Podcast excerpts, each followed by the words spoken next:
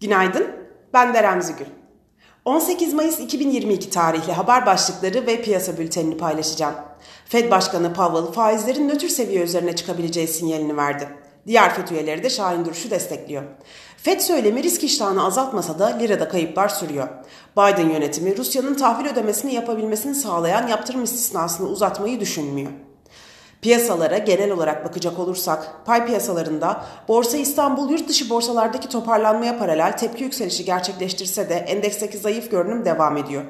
Kısa vadede önemli bir beklenti kalmaması, yabancı satışların devam etmesi ve enflasyonu endeksli alternatif bir TL enstrüman çıkabileceği beklentileriyle Borsa İstanbul'daki zayıf dalgalı seyrin devam edeceğini düşünüyoruz. Ancak yurt dışı borsalardaki tepki yükselişinin güçlenmesi durumunda Borsa İstanbul'da da tepki alımlarının sürmesini bekliyoruz. Borsa İstanbul kapanışına göre ABD ve Almanya vadeleri yükselişli seyrediyor.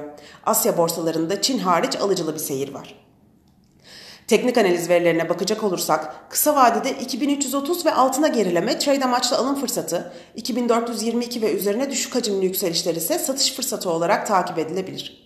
Viyop tarafında ise gün içi long pozisyonlar için 2785, short pozisyonlar için 2828 seviyeleri zarar kes seviyesi olarak izlenebilir. Borsa İstanbul'un ve endeks kontratının güne pozitif bir eğilimle başlamasını bekliyoruz. Kazançlı günler dileriz.